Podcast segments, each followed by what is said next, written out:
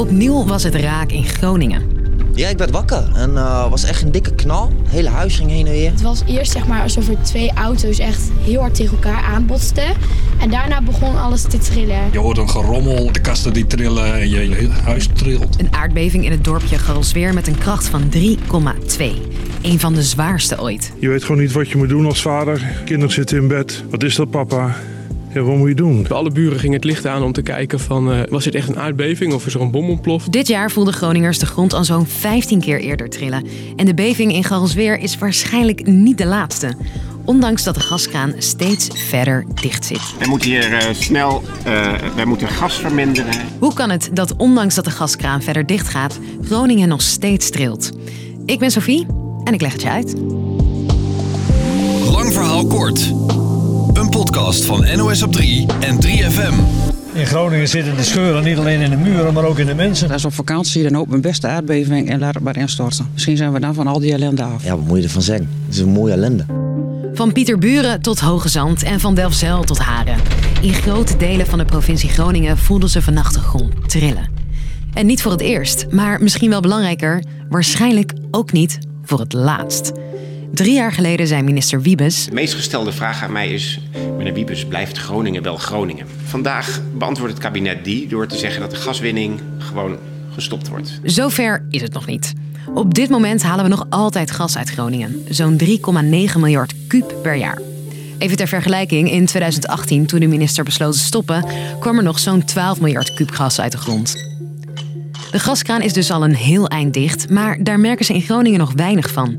De laatste tijd zijn er meer en vooral ook zwaardere aardbevingen dan verwacht. Kut, dit was gewoon de derde in 24 uur. Ja, het doet wel wat met je. Nou, we schrokken weer wakker. Net zoals uh, die ochtend tevoren om 5 uur.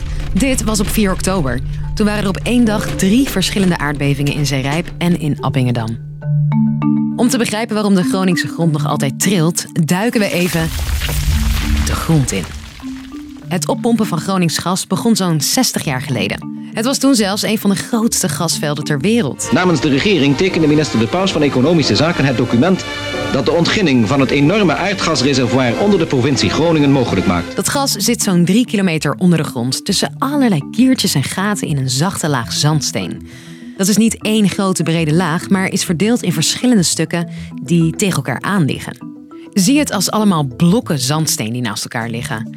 Haal je in één zo'n blok het gas eruit, dan wordt die kleiner. Komt er meer spanning op te staan en beginnen de blokken tegen elkaar aan te schuren.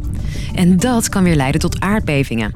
Stop je met gas winnen, dan stoppen uiteindelijk ook de bevingen, maar dat kost tijd. Op dit moment is die zandsteenlaag met al die blokken niet overal even dik. Gas dat nog wel in de grond zit, stroomt langzaam naar de blokken die een stuk leger zijn. De grond onder Groningen is dus nog steeds onrustig en het duurt even voordat die hele laag en al die blokken weer even dik zijn. En dus niet meer trillen. Ook als de kraan helemaal dicht zit, uiterlijk in 2030, zijn de aardbevingen dus nog niet voorbij. Maar hoe lang Groningen dan nog trilt is onduidelijk. Vertelt deze expert van het KNMI. Wat je zal gaan zien is dat het aantal bevingen afneemt. Het aantal zware bevingen neemt ook af. Maar dat kan nog uh, vele jaren duren.